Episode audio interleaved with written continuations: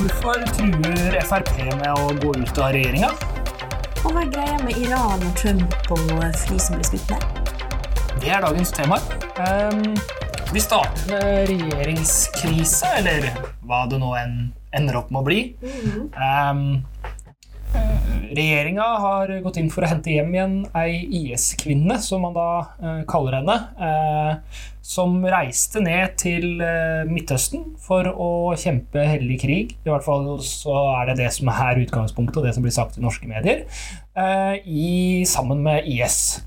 Uh, og nå går det jo ikke så bra med IS lenger, og det var kanskje ikke like stas å være med IS som hun kanskje trodde i utgangspunktet. Nei, Nå sitter jo hun og de to små barna hennes i en leir, en enorm interneringsleir, kan vi kalle det, mm. som er full av IS-krigere og kvinner. Altså kvinner som har da vært med i IS.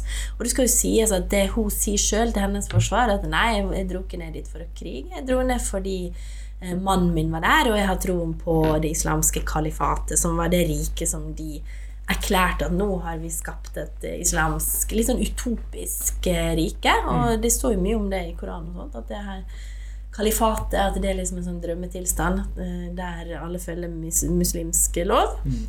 Tror veldig få muslimer vil skrive under på i dag at IS-kalifatet var drømmelandet deres. bare for å si det sånn. Men den kvinnen her er i hvert fall eh, gifta som en som heter Bastian Vaskes, en norsk fremmedkriger som er drept. De har fått to barn.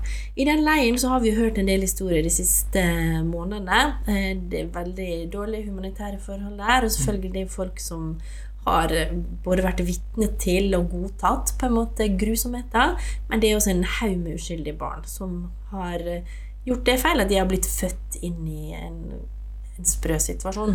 Og det ene barnet til den kvinnen her er veldig syk, så derfor har nå regjeringa beslutta for å ta han hjem, og kvinna eh, følger med på lasset. Mm. Ja, for det er jo det viktige i denne saken her, at det er et barn involvert. Og eh, man kan jo diskutere eh, i det lange og det vide og det breie hvorvidt man skal hente hjem igjen, eller la eh, mennesker som har frivillig reist ut for å kjempe hellig krig for, for IS, om man skal hente dem tilbake. Det får nå være den diskusjonen, men her er det jo barn som er norske statsborgere, for de er født av to norske statsborgere. Eh, og eh, da er det sånn at det sitter eh, norske statsborgere, altså mennesker med norsk pass, i en interneringsleir under ekstremt dårlige humanitære forhold. Og hvis man ser på norsk tradisjon når det kommer til det her, så vi jo, går vi jo ganske langt for å hente hjem folk, selv om Eh, de har blitt anklaga for ganske mye der hvor de uh, kommer fra. F.eks. Joshua French og, og Kjostolf Moland. Kjostolf Moland kom jo aldri hjem igjen, for han døde i fengselet. Uh, men Joshua French lever jo nå som en fri mann i Norge. Og han ble jo anklaga for å ha drept sjåføren sin i, i Kongo. noe som, som, også er et eksempel da, på mennesker som har blitt anklaga for noe. Og så kommer jo denne såkalte IS-kvinna til å bli stilt for retten i Norge. Eh, og da eh, skriver jo mediene om det som om det er helt sikkert at hun blir dømt. Det er det vel ganske stor sannsynlighet for hun blir. Eh, men hun skal jo gjennom en rettsforfølgelse i Norge også. Ja. Så, så, det også er jo en bit av det. Hun er jo ikke dømt, selv om hun sitter i denne interneringsleiren, eller hva man skal kalle det, der nede. Så så er hun ikke dømt etter norsk lov. Det blir hun når hun kommer til Norge, og barna vil bli tatt vare på i Norge. Og en bekymring som Frp har spilt på, da, og som det har jo oppstått eh, reaksjoner ute i eh, hva skal jeg si da, på, i nettkommentarfelter rundt omkring. Eh, spesielt da på islamkritiske nettsteder som dokument.no og Resett, der folk reagerer voldsomt på det her. Og det er jo noen som vil si at det er derfor Siv Jensen nå har sagt at vet du hva, hvis det her går gjennom, så kommer vi til å forlate regjeringa. For det var en trussel som ble framsatt i går. Mm. Trussel er jo sterkt ord, men det var faktisk en påstand som Frp kom med i går. At hvis denne kvinnen får lov å komme hjem, så går det helt på tvers av det vi i Frp tror på, og det velgerne våre tror på.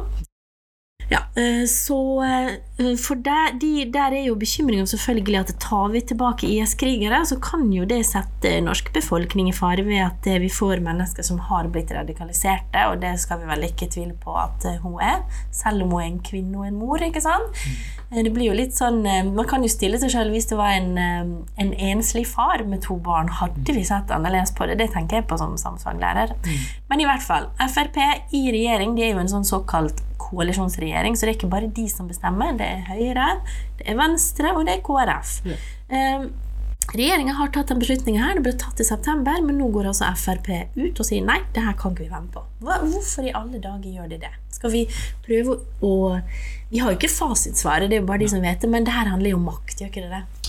Jo, fordi at det, eh, det man ser er Man kan følge med på meningsmålingene, og meningsmålingene gir ikke Frp spesielt gode resultater, sånn, sånn ståa er nå. Eh, det nærmer seg et nytt stortingsvalg. Eh, selv om vi akkurat har hatt et valg, så er det jo da halvannet år ja, til neste langt Frem i tid for tida. Ja, det er det jo ingen tvil om. fordi at det tar lang tid å snu en, en trend. Og, og, det her er jo i tillegg en sak som vil være altså Med Frp sitt innvandring, innvandringskritiske eh, syn, så, så, er jo det her en vanskelig sak å svelge, selvfølgelig. fordi at de er jo i utgangspunktet kritiske til at eh, vi skal ta imot eh, veldig mange flyktninger til Norge. Og på den andre sida så er jo det her også ei kvinne som har valgt å forlate Norge for å, krige, nei, for å kjempe hellig krig, eller hva det måtte være. Om hun også reiste med sin mann, da, så er jo det på en måte kom si, kom sa. Men da vil jo det være utfordrende for Frp. Og når man da står i et regjeringsprosjekt som de kanskje føler at de har fått for lite igjen for, og de får ikke markert sin politikk sterkt nok, dette her er jo en klassisk sak hvor Frp utenfor regjering hadde eh, laget vel så mye ståhei som de gjør nå, og de tjener på det. Eh, mest sannsynlig kommer vi til å se at meningsmålingene går i positiv retning for Frp. Eh, etter denne saken. Mm. Selv om det fremstår som om Frp er veldig sinte og, og, og syns det her er veldig dumt for deres politikk, så vil nok antageligvis det her gi positive resultater for Frp på målingene. Ja, for det er jo et parti som de fleste vil si at de trives veldig godt i opposisjon. De har vært det der partiet som sier nei, det her er uhørt. Mm. For de har ofte stått veldig sånn alene på sine synspunkter, men det har vært synspunkter som har vært populære. da. Mm. Og det er jo derfor de har fått stempelen populister, altså et populistisk parti. Et parti som, som, sier ting fordi de vet det appellerer til folk. Og det er jo lurt å appellere til folk, fordi det er folk som stemmer på en. Mm. Men eh, i politisk teori så er jo det også en slags merkelapp, en litt sånn uansvarlig eh, politikk, da. For man skal jo ikke styre landet på en måte som bare skal gi det stemmer. Du skal jo styre landet på en god måte, da, som gir en solid eh, utvikling og et solid samfunn. Så her vil, er det også flere som har kalt uh, både Siv Jensen og Frp for uansvarlige. Mm. Og Her handler det om populær politikk for en del av samfunnet. Altså Frp hadde på sitt, på sitt største var det litt over 20 og, og da er det jo en del av befolkningen som syns det her er, er, bra politikk. Eh, og man treffer godt, da. Eh, og her kan vi jo også få inn et, et eh, samfunnsfaglig begrep, som er å sette dagsorden. Og det, er jo en, det, det handler rett og slett om hvem som kommer til orde, og hvilke saker som vi prater om. Så når vi tusler rundt og, og blir oppglødd om en eller annen sak, så er det ofte noen som har satt en dagsorden. Og det var Frp veldig gode på når de var utenfor regjering. Og så vet vi at asylankomster til Norge har gått ned. altså Vi får færre og færre som kommer til Norge av forskjellige grunner. Eh, en av grunnene er jo at det er mindre tilstrømning til Europa for at vi har, uh, har strengere grensekontroll. Um, og avtalen mellom, mellom, EU og Tyrkia som også påvirker det. Og Det gjør at det er ikke like mange saker om asylmottak og det det, det ene og det andre som de kan, kan sette dagsorden med. Og Det gjør jo også at en av de viktigste sakene for Frp, for å trekke stemmer, er jo også da borte fra dagsorden. Og Så kan man trekke det videre og se nå forrige valg, som Senterpartiet gjorde det veldig veldig bra.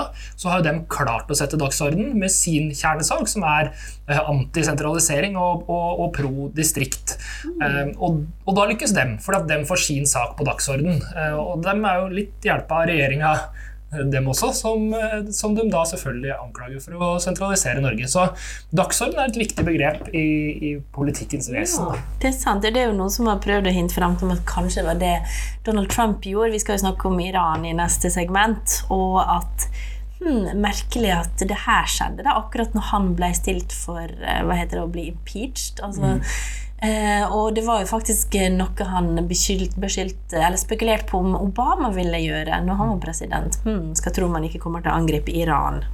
Så eh, det å sette dagsorden det handler jo rett og slett om rette å bestemme hvor vi skal holde fokuset. Mm. Eh, og det å hele tida komme med saker som da kanskje ikke er det viktigste, men som egner seg til eh, ramaskrik og store overskrifter, det er også en del av populisme. Mm. Og et annet begrep som jeg tror kan være nyttig her, er polarisering. For det vi ser, sånn som du snakka om eh, Senterpartiet og Distrikts-Norge eh, mot sentraliseringsspøkelset, så er jo det en sak som gjør det. Eh, og det samme med innvandringspolitikk. Å polarisere betyr at du skaper to eller saker som splitter folk i to. Mm. Gråsoner, liksom nyansene på midten forsvinner, og så blir de sittende i hver sin boble, litt sånn ekkokammeraktig. Og bare skyte på hverandre i skyttergravene, og det mm. blir ikke noen løsning av det. Det eneste du får, er splitta folk. Og eh, det ser vi også i kommentarene rundt den IS-kvinnen. Det er liksom svart-hvitt. Enten så er du et medmenneske eh, som tror på humanitære verdier og bryr seg om barn. Eller så på den andre sida så blir denne beslutningen framstilt som landssvik og, og, ekstremisme og sette Norge i fare. Så det er liksom veldig sterke ord eh, fra begge sider. Og jeg ser ikke at disse to argumentene kan møtes. Det er jo en ganske tydelig politisk strategi. og Noe av utfordringa er at det ofte er litt sånn vanskelig å komme ut av en sånn polarisert situasjon. fordi at det, Eh, når vi kommer inn på dagsorden, så egner både de som nå eh, er på Frp sin side her, som sier dette her er farlig, er, vi tar imot radikaliserte mennesker osv., eh, osv., kjører den retorikken. Og på den andre sida så har vi kanskje den typiske liksom, venstresideargumentasjonen, og kanskje da når vi kommer ut på liksom, SV-Rødt-nivå, mm. så vil dem si at det her, her er altså, antihumanitært, og, og, at det er fremmedfiendtlig osv., som også er en, på en måte en type polarisert, eller polariserende retorikk. Og hvis du da prøver å finne de som står der midt imellom, da, som kanskje har den Hva skal man si? Litt, ja, som kanskje vil si sånn Ja, det er litt, det er litt betenkelig at vi henter hjem folk som har valgt å reise ut for å uh, krige for uh, andre stater. Det syns vi er betenkelig, men det er unger her som uh, ikke har noe skyld i det, og som, som vil lide fordi at uh, pga. morens valg, derfor så må vi hente dem hjem. Og Det er kanskje den, liksom den rolige midt, midtveien å gå her. Men den får jo ikke så mye oppmerksomhet, fordi at eh, de største og fineste og flotteste og mest klikkbare eh, titlene kommer fra enten den ene eller den andre leiren. Og det blir ikke det løsning av. Det blir bare splid. Og jeg syns jo jeg må si at i miljødebatten her hjemme så syns vi har begynt å nærme oss en litt mindre polarisert versjon. Mm. Fordi vi har begynt å diskutere løsninger istedenfor du er dum og du er dum. Så Det har vært litt sånn skittkasting fra begge sider, men nå syns vi har kommet forbi det stedet stadiet. Så polarisert debatt er selvfølgelig det blir eh, store smell og gnister og litt sånn spektakulært, men det er kanskje ikke det er ikke den beste grunnlaget for politiske eh, bestemmelser. vi får se hva som skjer med Frp. Siv Jensen har jo altså Det er jo noe som skjer akkurat nå i dag. Når vi snakker, så gudene vet hvordan det her ser ut neste uke. Men Frp har varsla de kommer til å komme med noen krav da mm. til regjeringa, som de sitter i sjøl, som en del av en koalisjon. Og hvis de ikke får gjennomslag for det her, så går de, da. Så vi får se. Det blir spennende å se. Så er det viktig å si akkurat om polarisering at det, det er ikke nødvendigvis sånn at uh, det er et parti, eller altså at det er typisk Frp eller typisk del det partiet som driver med polariserende debatt. Uh, hvis vi ser på innvandringsdebatten i sin helhet i Norge, så er jo faktisk det en debatt som har gått i motsatt retning, som har blitt mindre polariserende på veldig mange områder. Man diskuterer mye mer løsninger og mye mer på en måte eh, holder det nede da, eh, nå enn det man har gjort tidligere, eh, med unntak av den saken her. Så det er ikke nødvendigvis sånn at det er liksom noen som, som til stadighet ønsker polariseringa, men, men, man ser det i hint her og der at noen kanskje har større hang til å gå den retningen enn andre. og Det, det er jo en, en bit av det skulle vi akkurat vært innom koalisjonsregjering. For det er liksom viktig her. Ettpartiregjering og koalisjonsregjering osv. For det, det, sier jo noe om situasjonen her. Det, og mindretallsregjering. Hvis vi begynner med, eh, med eh, flertall og mindretallsregjering, eh, så sitter det jo nå en flertallsregjering på Stortinget. Nei, i Norge, valgt ut av Stortinget. Og da er det jo, I den så sitter da Frp, KrF, Venstre og Høyre. De fire partiene. Og dem har da flertall på Stortinget. Det vil si at det er en flertallsregjering. Så hvis regjeringa da kommer med forslag til Stortinget, og de fire partiene er enige, så blir det vedtatt. Før KrF og Venstre gikk inn i regjering, så var det Høyre og Frp som styrte og satt i regjering. Da var det en mindretallsregjering. Det vil si at uh, de ikke har flertall i Stortinget. Så da kunne ikke Høyre og Frp komme med hvilken som helst sak til Stortinget og få den vedtatt. Da måtte de ha støtte av noen av de andre partiene. Um, og Det her gjør jo noe med maktsituasjonen. For sånn det er nå, og det er derfor vi ser disse, disse litt sånn eksplosive sakene. Vi hadde jo før valget også, med en, med en sak da også i regjeringa som de var veldig uenige og Da var det bompenger det var snakk om. Uh, og Det er fordi at det, det er egentlig i regjeringa ting avgjøres i veldig veldig stor grad. Så hvis regjeringa er enig, så blir det sånn. Hvis regjeringa er uenig, så blir det ikke sånn. Um, og eh, det gjør at får, da blir det mye større gnisninger, mye vanskeligere å få det til. Uh, når det er en mindretallsregjering, så, så måtte jo da, hvis Frp hadde et, et, forslag som Høyre ikke var enig i, så kunne jo i og for seg Høyre bare si sånn Ja, det er greit, men du får ikke gjennom i Stortinget. Så sorry. Uh, og da blir på en måte Problemet blir ikke liggende i regjeringa, og da får du litt annen, annen dynamikk. Og så er det jo koalisjonsregjering. Og begge disse regjeringene har vært en koalisjonsregjering. Det vil egentlig bare si en samarbeidsregjering. Der hvor parti ja, flere partier um, som samarbeider. Og det har vi jo de siste, altså siden år 2000, egentlig, uh, hatt en tradisjon for å ha. Eh, da har jo både altså Kjell Magne Bondeviks første regjering var en koalisjonsregjering. Eh, og så satt Arbeiderpartiet alene, vel. Og så kom det rød-grønne samarbeidet i 2005. Eh, og da samarbeidet Arbeiderpartiet, SV og Senterpartiet. Og så har vi da hatt Høyre-Frp og Høyre-Frp. For Venstre. Men tidligere i Norge, lang politisk tradisjon, så har det vært ettpartiregjeringer. Arbeiderpartiet har stort sett styrt alene når de har styrt. Så der hvor man nå tenker at det er helt naturlig at eh, Arbeiderpartiet skal samarbeide med andre partier, så var det veldig lite naturlig fram til år 2005. Det må ha vært lettere å være en ettpartisregjering, og så lenge du har eh, flertall i Stortinget, da selvfølgelig. Mm. Men hadde de det? Hadde Arbeiderpartiet flertall i Stortinget når de Nei, så de må selvfølgelig ha støtta seg på samarbeid. Og, de må seg ja. på samarbeid. og det er jo litt bra i Norge at vi har den modellen. Hvis du ser til andre land som har bare to to-tre parti, så mm. blir jo det eh, mindre samarbeid, for å si det sånn. Så jeg tror eh, Og vi, også, Norge ligger jo veldig høyt oppe på demokratiindeksen, også, som måler mm. eh, kvaliteten på demokratiet. Så det virker jo som at det funker ganske bra her. Men det er noen som er litt sånn Oi, det Frp gjør nå, det er ikke sånn som vi har gjort det før i um, i koalisjonsregjeringa. Noen sier at dette er en litt sånn utradisjonell fremgangsmåte, for de spiller jo et spill med de de skal samarbeide med, der de Eh, kritiserer sin egen regjering. Da. Det er ganske illojalt, men det er jo et spill, og politikk eh, framstår ofte som et spill. Et spill om makt og innflytelse.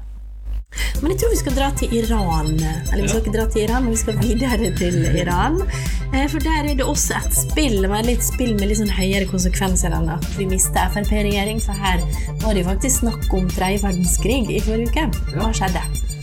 Det var det. Eh, og faktisk var det veldig mange av elevene våre også som nevnte det, og som var, eh, liksom, lurte på hva dette her handla om. Eh, situasjonen var jo den at USA ved et droneangrep drepte en iransk general som var på statsbesøk i Irak. Og det syns jo ikke Iran var noe særlig stas, selvfølgelig.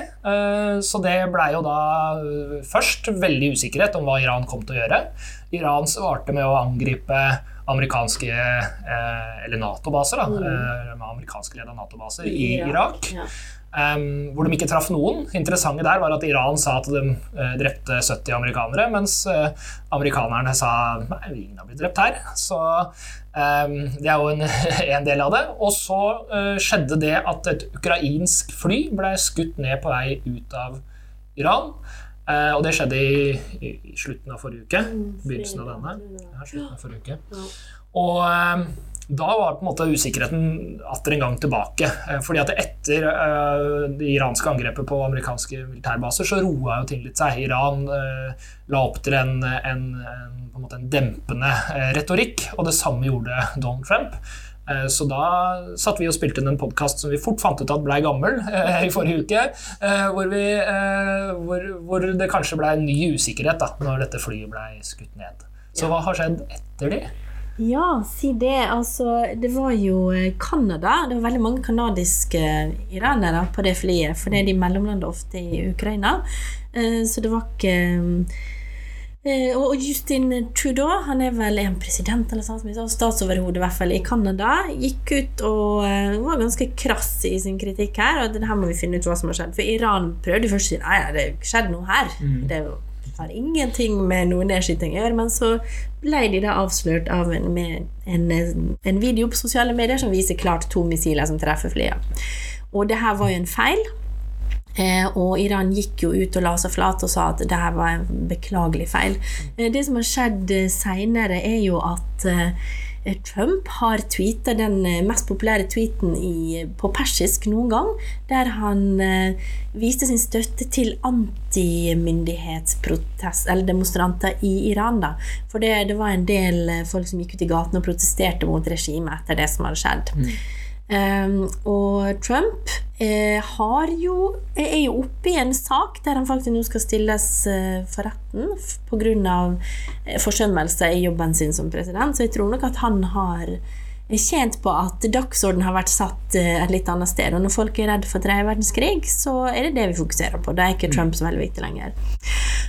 Det som har skjedd det sånn ellers her nå er jo at det skjer sikkert veldig mye bak kulissene. For, si sånn, for Iran og USA har et veldig dårlig forhold fra før.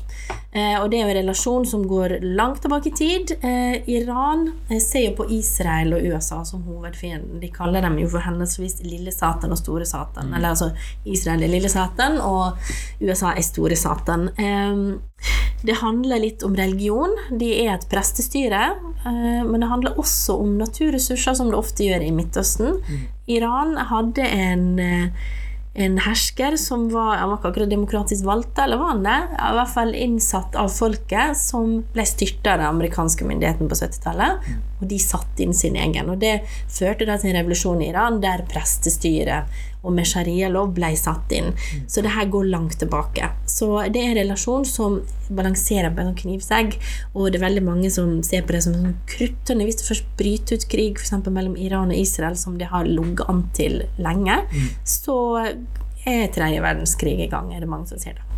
Ja, og det, det er jo utfordringa, for hele Midtøsten er jo eh, utfordrende sånn sett. Altså, og det har jo også noe med Vestens eller eh, sin, sin holdning til Midtøsten historisk sett også. Med, med, en rekke av disse landene hvor vi har vært inne og, og, og, og gjort både det ene og det andre.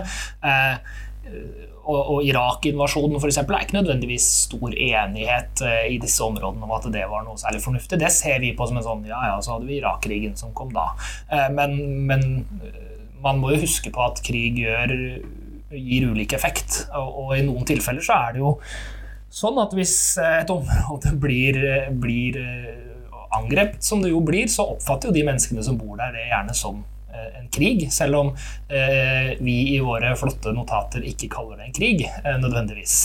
Ja, og USA i Midtøsten det er jo en litt sånn, ikke akkurat morsom, men når du ser på utviklinga Først så gikk jo de inn i Afghanistan, mm. og da bevæpna de de som kjempa mot Sovjetunionen, for Sovjetunionen invaderte Afghanistan. De som da kjempa mot Sovjetunionen med amerikanske våpen, det var bl.a. Osama bin Laden. Mm. Han starta sin karriere i Afghanistan. Spoler du fremover noen tiår, så har vi da Osama bin Laden som er fienden til USA, for da kjemper han eh, på den andre siden av bordet. Så, og, og, det samme med IS, f.eks. Og eh, det samme med Iran. Det er jo litt morsomt, eller ikke morsomt, det er jo tragisk, men Iran og USA har jo kjempa sammen mot IS mm. i Irak. Mm. Så det er jo umulig å eh, hva jeg skulle si, å få noe sånn klart bilde av hvem som er good guy og hvem som er bad guy. Men det som er klart, er at USA kjemper ofte det som blir kalt proxy wars. Altså de kjemper sine kamper på andre folk eh, sine territorier. Da. Mm. Så det er jo ikke mange amerikanere som blir drept. Mens i Irak så har enormt mange sivile blitt drept. Mm. Og skal, vi skal snakke om Irak-krigen, selvfølgelig Saddam Hussein var jo en diktator. Ja. Eh, og man kan si mye om å innføre demokrati der, som hadde vært positivt, men det var jo ikke sånn det ble. da. Det som skjedde, var at de ble destabilisert, som det heter. Mm. Og det å destabilisere handler jo om å skape kaos, sånn at du ikke får ro til å danne demokrati, og ro til å ha stortingsvalg, og ro til å krangle om bompenger og sånne ting. ikke sant? Mm. Ja, og så er det noe med En ytre fiende eh, samler ofte, da. Mm. Eh, og eh, da samles gjerne folk som ellers ikke ville samla seg. Eh, og det så man jo veldig godt med IS, som kom på en måte som en ytre fiende for, for mange forskjellige grupper som i utgangspunktet hadde hverandre som fiende. Ja, eh, ble den store fienden. Ja, mm. så, og, og, og, ja, og, i den perioden for IS så var Vesten store fienden. men samtidig så var det plutselig sånn at for enkelte andre områder der, så var det ikke lenger sånn at Vesten var den store fienden. Eh, for da ble det plutselig IS som ble den store fienden, f.eks. For, for Iran. Ja, eh, fordi, fordi, at, mm. fordi, at, Oi, søren, her er det noen som tror oss mer enn det. For det er jo lite sannsynlig at amerikanerne kommer til å invadere Iran og legge det flatt. på en måte. Men sannsynligheten for at IS kunne, kunne spredd seg ut i deres områder, det er jo, den, den er jo relevant. Så, så da får man plutselig en sånn omvendelse. Så vi som bor oppe på berget her og har hatt det fredelig i veldig veldig mange år, og vi skal være veldig glad for det, vi har nok vanskelig for å forstå hvordan mennesker handler i de situasjonene her. Og eh, det er nok verdt å liksom eh, slenge seg ned på eh, godstolen og ta seg en liten tanke om. Fordi at fordi at jeg tror mennesker, eller tror ikke bare, det er jo også langt vei bevist at mennesker handler helt annerledes under ekstreme forhold. Og, og, da er det veldig lett for oss å sitte her og si sånn Vi ville gjort ditt, eller vi ville gjort datt, eller det eller det er riktig, eller ja. Og også i etterpåklokskapens navn, som veldig mye av det her er. Sånn ja, vi skulle ikke ha gjort det, vi burde ha gjort det. Ja, ok. Um, det men vi har lov å lære av feilene våre. Og, og, det bør vi gjøre. Ja, Men etterpåklokskap, selvfølgelig. altså Krig eller konflikt er jo ekstremt. Du skal, og det skjer ting sånn som altså Det har skjedd så mye siden sist gang vi pratet om det her. Fem-seks dager siden. Nå skal du handle raskt. Og selvfølgelig, det jo, de fleste handler i sine interesser. Altså USA, som er en stormakt eh, i dagens eh, verdenssamfunn, og har vært det ganske lenge, har jo eh, et litt sånn legitimeringsproblem. Da. Å være legitim det betyr at du blir anerkjent som at det er riktig, det du gjør. da. Og før så hadde de nok mye mer legitimitet når de gikk inn i andre land, og det er veldig viktig, for de har makt. De har militærmakt, de, har, de bruker enorme summer på forsvar, de er en stor økonomisk makt, de er også en stor sånn, leverandør av verdier og ideologi. Mm. Um, men den makta blir bare sett på som legitim hvis folk tror på at de ikke bare tenker på seg sjøl. Mm. jeg tror nok Før så hadde de mye mer troverdighet når de sa at 'hallo, vi gjør det her for demokratiet sin, selv, sin skyld'. Um, mens det har blitt litt tynnslitt. Jeg tror nok Irak-krigen var det som har slitt mest da, mm. på ryktet til Eller på den troverdigheten da, til USA. Mens, um, ja. Og så hjelper det jo ikke på at USAs øverste leder akkurat nå ikke har noe særlig, uh, særlig standing rundt omkring i verden. Altså, det er få som som tror på han. da, eh, og så trenger ikke vi gå inn i diskusjonen på hva som er politisk riktig hit eller dit, men det er jo ingen tvil om at Barack Obama var en figur som i verden ble ansett som en fredsskapende figur da, i mye mye, mye større grad enn det Donald Trump blir. Og det handler jo også om måten du uttaler deg på. Hvis du går gjennom Twitter-feeden til, eh, til, Donald Trump, så ser du at det eh, Og så kan du gå inn gjennom den samme, for det ligger ute eh, altså Presidentkontoen til Obama ligger ute, akkurat som presidentkontoen til Trump er. Så kan du gjøre en, en retorisk gjennomgang av de to. Da vil du se en ganske stor forskjell i måten man ordlegger seg på, og måten man, man snakker om, eh, om konflikter og, eh, og, situasjoner rundt omkring i verden. Og, Men det er litt interessant å sammenligne, for nå kom vi på Libya-krigen. Mm. kom jo under Obama. Ja. Og den er jo mange som nå etter, eh, på klokskapens navn ser at det der var ikke bra. Ja. Eh, så, men formen var nok annerledes. Og eh, jeg, vet, jeg, tror heller ikke Barack Obama var like sånn personlig involvert som vi ser at Trump er nå. Han har jo rett og slett fått påpakk han fra sin egen administrasjon om at nå må du skjerpe deg. Det er ikke du som kan gå til krig alene og, og sånne ting. Eh, men ja, så form Altså, å legitimere makta si er kjempeviktig. Selvfølgelig er handlinga det som du sitter igjen med. Mm. Ja, og det, og det, vi ser nå at Trump prøver å gjøre, eller gjør, er jo å si at uh, den iranske generalen planla angrep på en rekke amerikanske ambassader. Og det er jo nettopp det du snakker om nå. Det er for, et forsøk på å legitimere et i utgangspunktet uh, som ser ut som et, et ganske uprovosert angrep. Eh, og det er jo på en måte forskjellen. Hvis du ser på Obama og Libya, så var måten man legitimerte det på, var at man mente at Muammar Gaddafi, som da var statsoverhode i Libya, Libya, eh, uttalte at han ville gå fra dør til dør eh, og eh, ta livet av alle som var motstandere, i en eh, by, Tripoli, i Libya. Eh, og Det var legitimeringa av det angrepet. Vi, vi, kan ikke sitte og se på. Det her kan bli et folkemord eh, i Libya.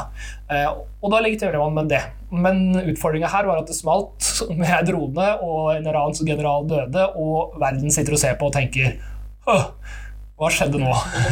Eh, og da kommer jo legitimeringa nå i ettertid, da, hvor man forsøker å liksom skrive historien om at dette var en general som hadde planer om å angripe amerikanske ambassader, altså dvs. Si amerikansk jord, da, for ambassader anses jo som det.